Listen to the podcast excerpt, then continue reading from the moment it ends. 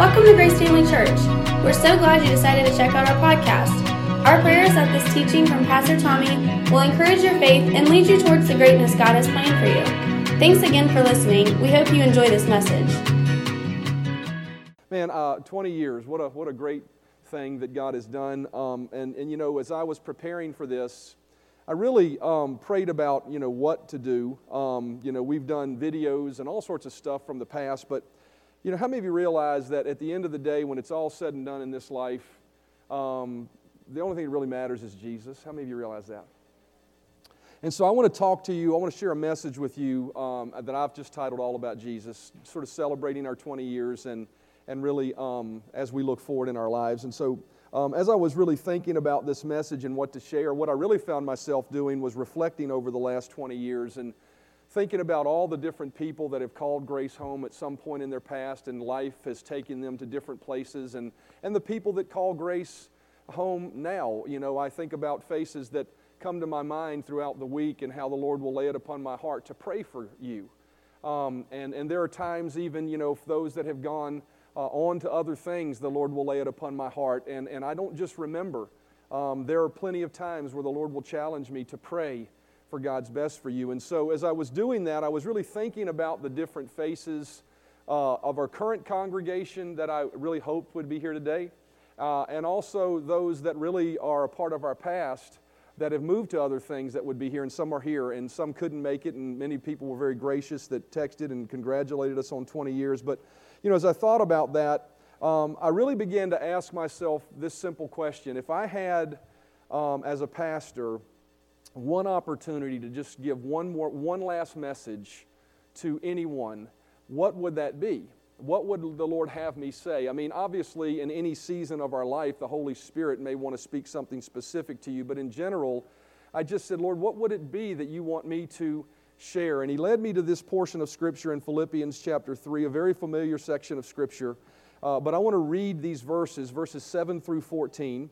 How many of you realize it's okay to read seven consecutive verses in the Bible? We got a culture today in many of our churches where we try and seek to entertain people, and so we can only read a half of a scripture sometimes because for fear that we'll lose their attention. But, you know, I, I just believe we need to do and share the word. Amen? So I want, to, I want to read to you these seven verses, and then I'm just going to share with you some simple thoughts before we enjoy each other's company here in just a moment, celebrating uh, our future and our past.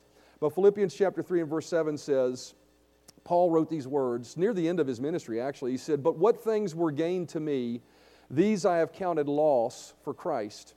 Yet I indeed also count all things lost for the excellence of the knowledge of Christ Jesus my Lord for whom I have suffered the loss of all things and count them as rubbish, that I may gain Christ, and be found in him not having mine own righteousness, which is from the law, but that which is through faith in Christ, the righteousness which is from God by faith, that I may know him and the power of his resurrection and the fellowship of his sufferings, being found conformed to his death if by any means I might attain the resurrection from the dead. Not that I have already attained or am already perfected, but I press on that I may lay hold of that for which Christ Jesus has also laid hold of me. Brethren, I do not count myself to have apprehended, but one thing I do, forgetting those things which are behind and reaching forward to those things which are ahead, I press toward the goal for the prize of the upward calling of God in Christ Jesus. Let's pray before we get started. Father, I thank you so much for your word. I thank you for your presence. And I thank you for your precious, mighty Holy Spirit. And I pray, Father, that you would anoint me to speak, that you'd give me the strength to say the things that I need to say and, and to say the things that would encourage and help and bless people. I thank you, Father, for your anointing being present to minister through me and touch our needs so that we can say that we are better because we came to church today, that we're better because we've encountered Jesus in a more real and personal way. I thank you for that, Father, in Jesus' name. Amen. You know, as I look at uh, Paul's attitude in these scriptures, I recognize really a singular truth that permeates that portion of scripture, and it really, uh, uh really helps us understand what his perspective was in life and how it guided him. And as I look at that, I really see that, you know, he was simply hungry for Jesus. How many of you love Jesus this morning? He was hungry for Jesus. He was hungry to know Him, to declare Him, to experience Him, and nothing mattered more to Paul than gaining Christ. Verse 13 and 14 in the Message Bible says it this way It says, By no means do I count myself an expert in all of this, but I've got my eye on the goal where God is beckoning us onward. And then this next phrase, it says, To Jesus. He says, I've got my eye on the goal. And he says, That goal is to get to Jesus. I'm off and running, and I'm not turning back. And as I think about that passion of Paul in these verses, I really see three perspectives that he had in life and three perspectives that should guide us every day and check our, our, our, our focus and what it is that we're doing with our lives. First of all, I see that he looked back, and as he looked back, he chose to remember the Jesus moments in his life and forget those that weren't. Secondly, I see that he looked at his present state, where he was right now, and he recognized how much more he had to learn. And then the last thing I recognize is that as he looked forward, he continued to make Jesus the singular focus and purpose of his life. And so I want to spend a few moments talking about these perspectives and how they should or impact our lives. And so, first of all, notice as he looked back, as we look back, we've got to fix our eyes on the Jesus moments and eliminate the others. Paul said, forgetting those things that are behind. And as I think about that statement, Paul wasn't saying that I'm going to forget everything, because as we read through the scripture, we see in many, many places God tells uh, the children of Israel, and He tells us to remember, to build memorials, to thank God for the good things in our past. But I think what Paul was saying was, is as I look back over my life, there are certain things that are Jesus moments, and there are certain things that are not Jesus moments. And I choose to remember the Jesus moments. And so I want to talk to you about those because I'm sure there's many more than three. But there, there are three, I, I think, you know, I've categorized three specific areas where non Jesus moments can pop up in our life. And if we're not careful, we can fixate our eyes on those things and they can affect our lives negatively. So the first thing he looks back at, I think that we should be careful about, is the great accomplishments.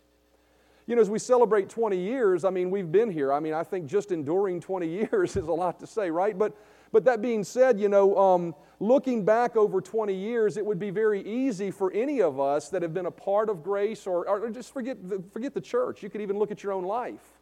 And you can say, you know, this happened in my life and this happened in my life, and we could, you know, develop that as a source of pride. Look what I did. A chance to really puff ourselves up and say, look how great, you know, um, you know, it is what we've accomplished. But I think what Paul said is those moments in my life that caused me to want to be puffed up and prideful, um, that, want, that caused me to want to define myself by my accomplishments, I choose to forget those. You know, and, and if we're not careful in not doing that, what happens in our life is this. How many of you have had a good moment in your life you just remember? It's gone now. Just, it's just not there anymore. It's passed you by. If we're not careful and we look back on those good moments, what winds up happening is, is we can look back to them and we can say, you know, if I could just get back to that moment, everything would be better. But I want to let you know that when moments pass you by, you don't need to get back to where you were. You need to move forward to where He is. And that's what Paul was saying. He was saying, I'm not going to look back to where I was and try to get back to that or recreate that. I'm going to move forward and I'm going to continue to keep my eyes focused on Jesus. I think what that teaches us is really simply this that our best days in all of our lives are ahead of us. You know, people talk about, you know, Bruce Springsteen, I think. Was it Bruce Springsteen saying glory days? Your glory days are not behind you. Your more glorious days are in front of you. And it's important to remember that. You know, Paul said, forgetting those things that are behind, and I press forward. So, you know, one of the things we have to be careful about is, is focusing our eyes on our accomplishments. One of the areas, other areas we need to be careful about that are non Jesus moments are the failures and sins of our past. You know, so many times we can look back to our past and see where we failed, and that failure can define us we can uh, begin to feel uh, as if we're a loser or we're a failure, and we can begin to think, well, will I ever be able to succeed? But what Paul said was those moments that were failures, how many of you realize Jesus never fails? Those, how many of you realize even in failure, He's with you, though, right? So, those moments when we failed, where we've fallen short of the mark, where we've even possibly sinned in our life, we can develop, if we focus on those things, a tremendous sense of guilt a tremendous burden in our life that, that, that we drag around like a ball and chain that we can never break free from. But what Paul said was, as I look back over the course of my life, that's a non Jesus moment that I'm going to choose to forget. I'm not going to uh, define myself by my failure. How many of you realize just because you fail doesn't mean you are a failure? The scripture says in, in, in, Proverbs that a righteous man falls, but he gets back up. See, for a believer, I've always said this the Bible says, Thanks be unto God who always causes us to triumph. You know what triumph means? It means to try with a little umph. if you just simply will get back up and keep trying, then God will be there to help you in spite of your failure. You are not a failure because you missed it or messed up in your past. We also need to remember that our sins can't define us. I got to tell you, how many of you have done grievous things in your life that, that have hurt people? How many of you ever done that? Uh, well, you, you can't raise your hand, I can raise mine. I've done things unintentionally. I didn't mean to hurt people, but I did. And you know, you can look back over that with remorse, and you can maybe you intentionally hurt somebody. You can look back at that with remorse and say, Man, I am so guilty about. I feel so bad about that. But there comes a moment in our life where we need to say, I'm going to not look back, I'm going to look forward. I'm going to choose to believe that He will remember my sins no more. Amen? And then one of the other things we have to be careful about when we look back and, and, and, and, and not remembering that non Jesus moment is the offenses of others. Have you ever been hurt before? Uh, a couple of you, okay. The rest of you have been hiding and you haven't had to deal with human beings because if you have to deal with human beings, I can promise you they're going to hurt you.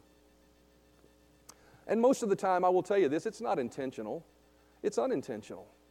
You know, the Bible says to believe the best of every person. And you know, when somebody hurts us, what winds up happening a lot of times in our life is we think they're just vicious and mean. We think they're intentionally trying to harm us. But what, what, what I've found to be true is that when we choose to believe the best in others and, and, and have an attitude of grace towards them, it helps us understand that, you know, they probably didn't even realize what they did hurt me. And I think we have to be careful about that. Paul said, When I look back in my life, I forget those things that are behind. One of the non Jesus moments that he chose to forget were the times in his life when people hurt him. We have to be very careful about that. Uh, each, of us, uh, each of us have had those moments, and we need, to, we need to resist those. Psalm 124 and verses 2 and 3 tells us as it, as it pertains to our accomplishments. It says, If it had not been for the Lord who was on our side, when men rose up against us, then, we would have, then they would have swallowed us alive. Notice what it says if it had not been for the Lord. Everybody say if it had not been for the Lord. So, first of all, when you're looking back at your accomplishments that can be a source of pride, always remind yourself of this that if it hadn't been for Him, any of the good that came from it never would have happened. The Bible says every good gift and every perfect gift comes down from the Father of lights. Everything we've ever accomplished in our life that is any good of any lasting value for the kingdom of God, it is not something we can take credit for. Now, I will tell you when we stand before the Lord, if we participated with Him, He will reward us. But our attitude and posture should always be if it hadn't been for you.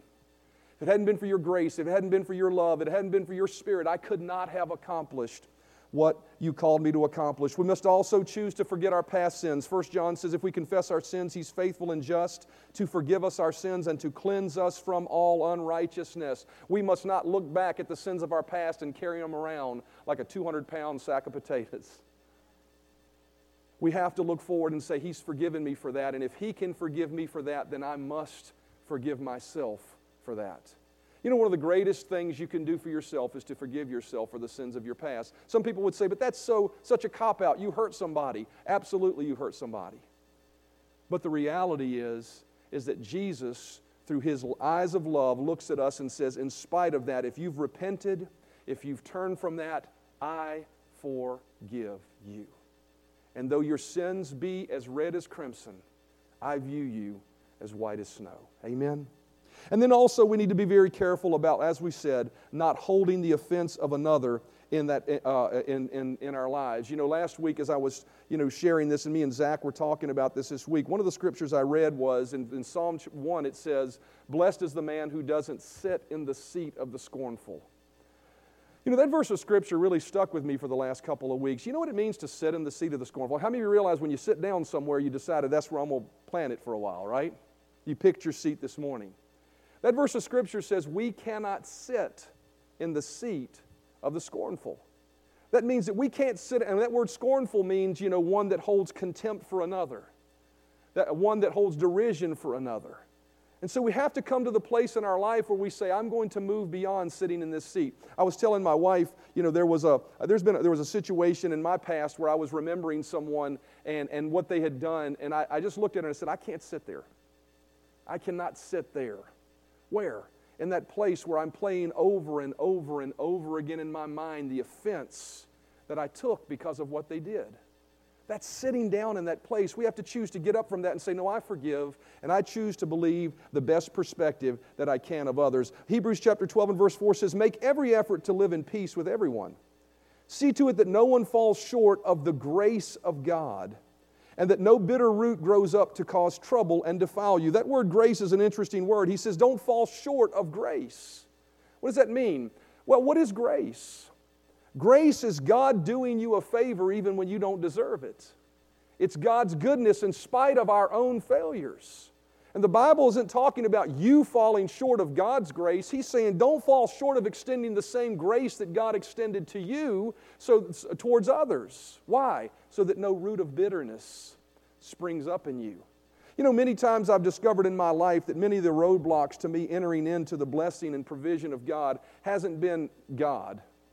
Matter of fact, how many realize God's not withholding any blessing from you today? But what I've found to be true in my life is that many of the roadblocks oftentimes are me. And what I find oftentimes is, is that part of, a, part of those roadblocks are simply realizing that there's some area of my life where I hold bitterness towards someone else and I need to let it go. I need to completely let it go. You know, that's something we need to remember every day of our life. You know, if, if I could put one thing, you know, uh, if you ask my kids one thing that you, you, try to remember me by, I would hope they would tell me this. You know, when they get into arguments or, or, or, or you know, how it is with teenagers, right? Sometimes there's back and forth and bickering. I always say, you just got to walk in love. You just got to walk in love. That's what the scripture's talking about. Paul said, I choose to forget the moments of my past that have been defined by the mistakes others have made that have hurt me and I'm going to choose to remember that person for the good things they have done in my life.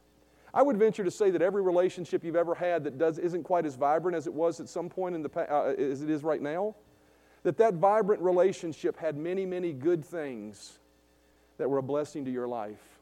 I would encourage you to remember those. And so Paul looked back and forgot the non Jesus moments. What was another perspective of Paul? As he looked at his present state, he recognized how much he had to learn. Philippians chapter 3 and verse 13 says, Brethren, I do not count myself to have apprehended. What was that? In modern day English, what was he saying? He said, My brethren, I recognize I haven't arrived yet. How many of you realize you haven't arrived? We're celebrating 20 years, but I can tell you there is so much more that God wants us to do as a church. There's so much more that He wants to accomplish through us, but even more than that, there's so much more that He wants us to know of Him. You know, Paul embraced the mindset of simply this less of me and more of him. You know, think about it. Paul wrote two thirds of the New Testament, and this is near the end of his ministry, and he says, I haven't attained it yet. I don't know everything yet. I haven't learned everything yet. It kept him humble. It kept him with an attitude of understanding that because of my humility, because I understand that he knows so much more, there are depths and, and, and riches in Christ that I have yet to even comprehend. It caused and fueled a passion in him to, to desire more of God and less of anything him. Amen? He embraced a deep, a deep need for Jesus. And so we must do the same. Psalm 42 and verse 1 says, As the deer pants for the streams of water, so my soul pants for you, O God. My soul thirsts for God, for the living God. David had a hunger. I think about all the things that David experienced writing the entire book of Psalms and one of the greatest kings of Israel, and yet his, his chiefest desire, even amongst his sin, even amongst his failures, was always, it always came back to God, I am so hungry for you. We must be hungry for the presence of Jesus as we look forward in our lives, not only for his presence, but for his word. Psalm 103, David said, Psalm 110, verse 33, David said these words He said, Teach me, Lord the ways of your decrees, that I may follow it to the end. Give me understanding so that I may keep your law and obey it with my heart. Direct me in the path of your commands, for there I find delight. Turn my heart towards your statutes and not towards selfish gain. Turn my eyes away from worthless things. Preserve my life according to your word. David had this mindset of, I am so hungry for the word of God. I, you know, I just did something a, a couple of weeks ago. You know, um, I, I, try to walk or do some exercise every day, and I was walking the Greenway over here uh, by Good Park, uh, up toward the Parkway and I just purposed in my heart, I just found uh, in my Bible app uh, Psalm 119. Uh, if you don't know Psalm 119, it's, it's, it's, the longest chapter in the Bible. But, but Psalm 119 is, it's a beautiful picture of hunger for the Word of God hunger for God's word and his understanding and his statutes and living in his ways. And I just, I found in my Bible app the ability to play it, you know, in my headphones. And I just walked. I didn't listen to somebody teaching me. I didn't listen to some praise and worship music. I just listened to the word and let it soak down in me. David had that hunger for the word of God, and we have to keep that hunger. And so Paul kept himself small as he looked forward at his, at his, as he looked at his present state. What's another perspective of Paul that we can learn from? Last one. Not only as he looked back, not only as he looked at his present state, but as he looked forward, he continued to make Jesus the goal. Philippians 4, verse 8 says, Yet indeed I count all things loss for the excellence of the knowledge of Christ Jesus, my Lord. Paul embraced a mindset in his latter years of nothing matters more than knowing Jesus. You know, the more and more and more I, I, do this, the more and more I'm in ministry, the more and more I even forget ministry, the more and more I just follow Jesus. The more I recognize what Paul recognized with his present state perspective. There is so much more that I could learn. There's so much more that I could grow to know. But in, in light of all of those things that I could learn and all of those things that I could know, it helps me understand that what I need more than anything is Him because He is all sufficient, He knows everything. He has the ability to meet every need in my life. He has the ability to meet my need where my understanding falls short. He has the ability to meet my need where my physical nature falls short. He has that ability. I need Him more than anything. And that's what Paul was saying. He said, I count everything I've done as lost because I want to know Him. I'm sure some of that came from a deep passion and understanding of what he did for Paul.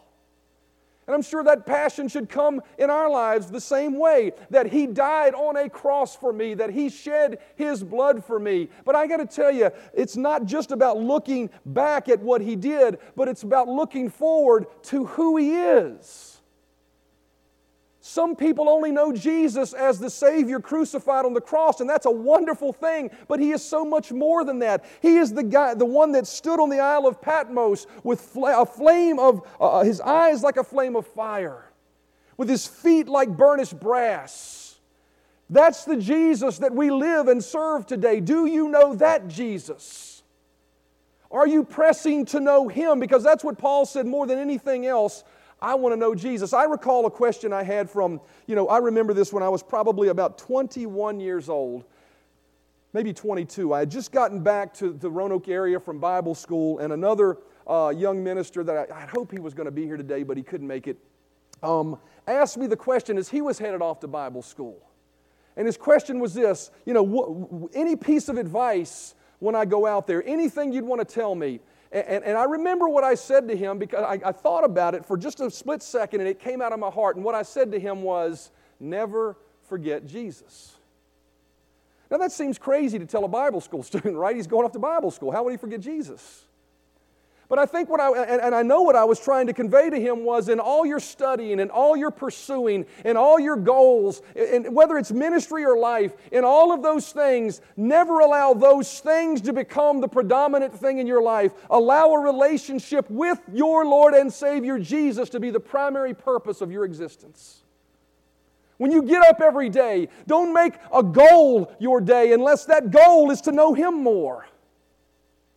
See, Paul said, Everything I count but loss, but to know Him. And all you're doing, don't stop pursuing Him. Don't pursue a ministry, pursue Jesus. Don't pursue a spiritual gift, pursue Jesus. Don't pursue a blessing or a promise, pursue Him. I think about the woman that had the issue of blood, and her response was simply this If I may just touch him, I will be whole. She didn't say, I got to go get healing from him. She said, if I just could touch him. She said, if I can get to him. I'm all for goal setting, but the purpose, if the purpose of my goal is not following Jesus, then I don't want the goal. Amen? For in him you'll find everything you need. Matthew chapter 9 and verse 9 says, As Jesus went on from there, he saw a man named Matthew sitting at the tax collector's booth. Follow me he told him. And Matthew got up and followed him.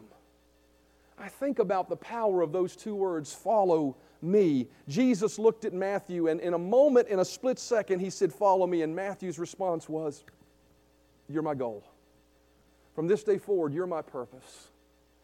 You know, I'm thankful to have pastored this church for 20 years. I'm thankful for, the, for, for a lot of different things about being in this role, but I got to tell you something when it's all said and done, the only thing that really matters to me is knowing Him more.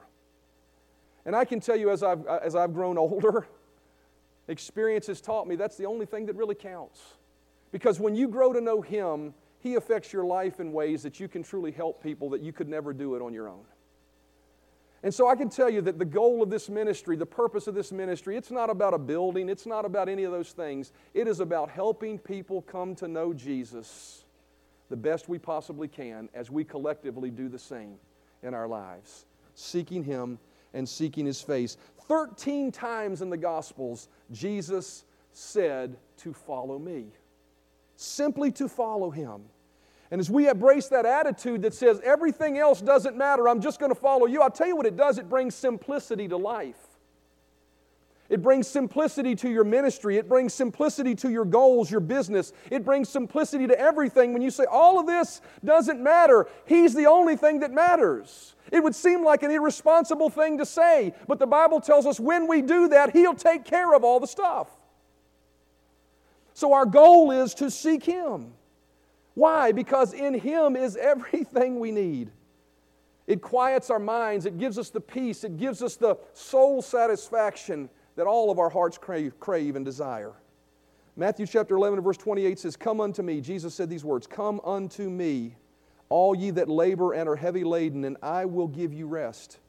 Take my yoke upon you and learn of me, for I am meek and lowly of heart, and you shall find rest for your souls. Jesus said, Come to me and you'll find rest. And I think it's interesting the way he phrased that. He, he said, Learn of me. He didn't say, Learn from me. Everybody say, Learn of me. Everybody say, learn from me. He didn't say, learn from me. He said, learn of me. And I think that's important. What's the distinction? Here's the distinction. When you go to school, and I think about it, you know, as a teacher, a teacher teaches curriculum. You're learning from that teacher, but I will tell you in most scenarios, some really good teachers get beyond that. But in most scenarios, you're not learning of that teacher, you're learning knowledge that they're transferring. Jesus didn't say, Come learn knowledge from me that I want to transfer to you. He said, I want you to learn about me, I want you to learn of me, I want you to experience me. He says, Our lives should not be about meeting some quota. My devotional time, I'll tell you this, my devotional time, and God has challenged me with this uh, throughout my life. I don't seek God for a message for you all. I don't, I don't do that in my personal devotion time. Now, there are times where I do that, but in my personal devotion time, it's not about a message for anyone. It's not about anything other than coming to Jesus and seeing the beauty of who He is, understanding who He is, and not just understanding here, but experiencing Him, spending time in His presence with everything else turned off, where I truly can say, I've experienced Jesus. That's a challenge for every believer today. I would ask the question of every believer Have you had moments in your life where you can say, I really have experienced Him? Not just learned of Him, not just read a devotional, but I have walked out of this moment because the very person of Jesus has touched my life. See, that's what Paul was saying. He was saying, Everything that I can do, it doesn't matter. It's about knowing Jesus, that one that arrested me on the road to Damascus and said, you know, that, that I bent my knee to and called Lord. when I was such an adversary of His for so many years. You see, you'll find rest and peace for your soul when you do that. In our service to the Lord, if we make that our priority, it makes everything else easy. What it does is it opens the door for God to do something supernaturally in our lives. See, so many times, because of human nature, we want to do something for Him, and that's okay, that's all right. But more than anything He wants from you is for you to just come to Him. Just come to Him. And as you come to Him, He will do things that you could not do yourself. You don't have to accomplish anything in your future. I'll say this very boldly. You don't have to accomplish anything in your future for Jesus. You simply have to come to Him. And He will accomplish through you what you could not do yourself.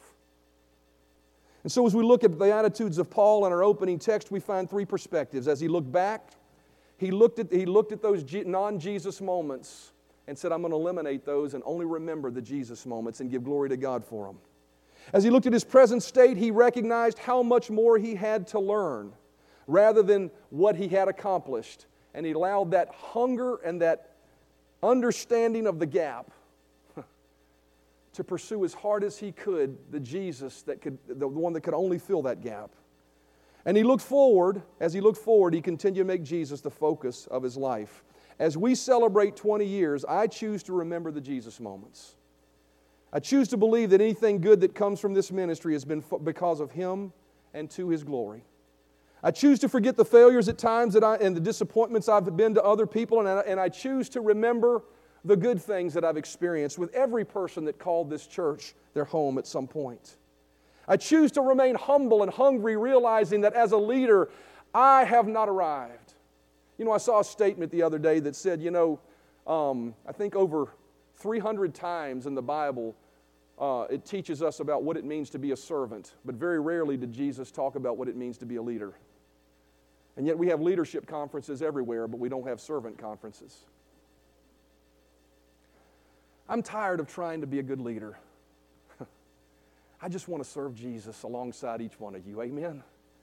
I want to seek His face. I want to experience Him. And as I'm walking with Him and talking with Him, if He says to me, hey, touch that person, I'm going to reach out and touch that person. If He says, hey, fix that building, I'm going to fix that building.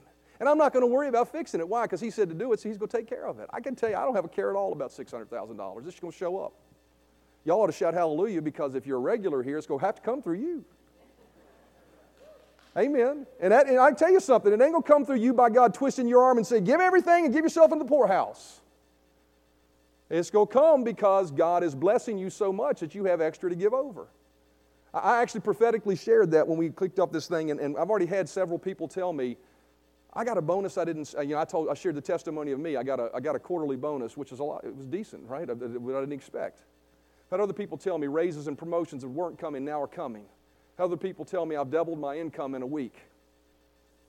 All I would say to you is just remember where it came from and honor God and what He wants you to do. Does He want you to give all of it? No. Just give what you need to give. Amen. That's a little side note. But I choose to remain humble, humble and hungry and realize that, you know, I need Him. It's not about me being a great leader, it's about us serving Jesus together. Amen. And I choose to make Him the focus as we move forward. As we worship, as we come together, as we lift our hands, as our worship team leads us, it should always be about coming to the feet of Jesus. It should always be about replicating what we see in Revelation chapter 5 Worthy is the Lamb. Worthy is the Lamb that was slain. Should be about us seeing Him in all of His glory, coming as close to Him as we possibly can, making room in our hearts for as much of Him as we possibly can. And I can tell you, when we do that, it opens the door for supernatural things to take place. How many of you realize you don't seek the supernatural, you seek the one that gives the supernatural? See, so many times we're trying to get ourselves to a place where all of a sudden a miracle, you know, can take place. But all we need to do is seek Him. And as we do seek Him, guess what happens? He naturally, by the Spirit of God, does, does the supernatural. And so before we eat, before we do anything else, I want to take just a moment to do that because that is why we're here. We are here to seek His face make room for God to do what He wants to do in our lives. I understand this. And I, and I heard the Lord speaking this to my heart this week meet the needs of the people, meet the needs of the people, meet the needs of the people. We all come in here with needs, whether they be small or great. I believe the Spirit of God wants to meet your need today. Isaiah chapter 55 and verse 1, as the musicians come, says this. And come quickly, because that's my last verse. Normally I give you more time than that, sorry. I got carried away. Isaiah 55 and verse 1 says, Come, all you who are thirsty, come to the water. Verse 3 says, Incline your ear and come to me. Listen so that your soul may live. What does he say there? He says, and if you read through that, he says, Come, and if you don't have money, come. If you can't buy it, come. If you don't have the ability to make it happen, come. Just come. Not worrying about your ability, your qualifications, your right to receive it, any of those things. Jesus has made a way. And whatever the need is in your life, whether it's physical, whether it's mental, whether it's, whether it's uh, uh, uh, social, whether it's financial, whether it's a burden that you carry,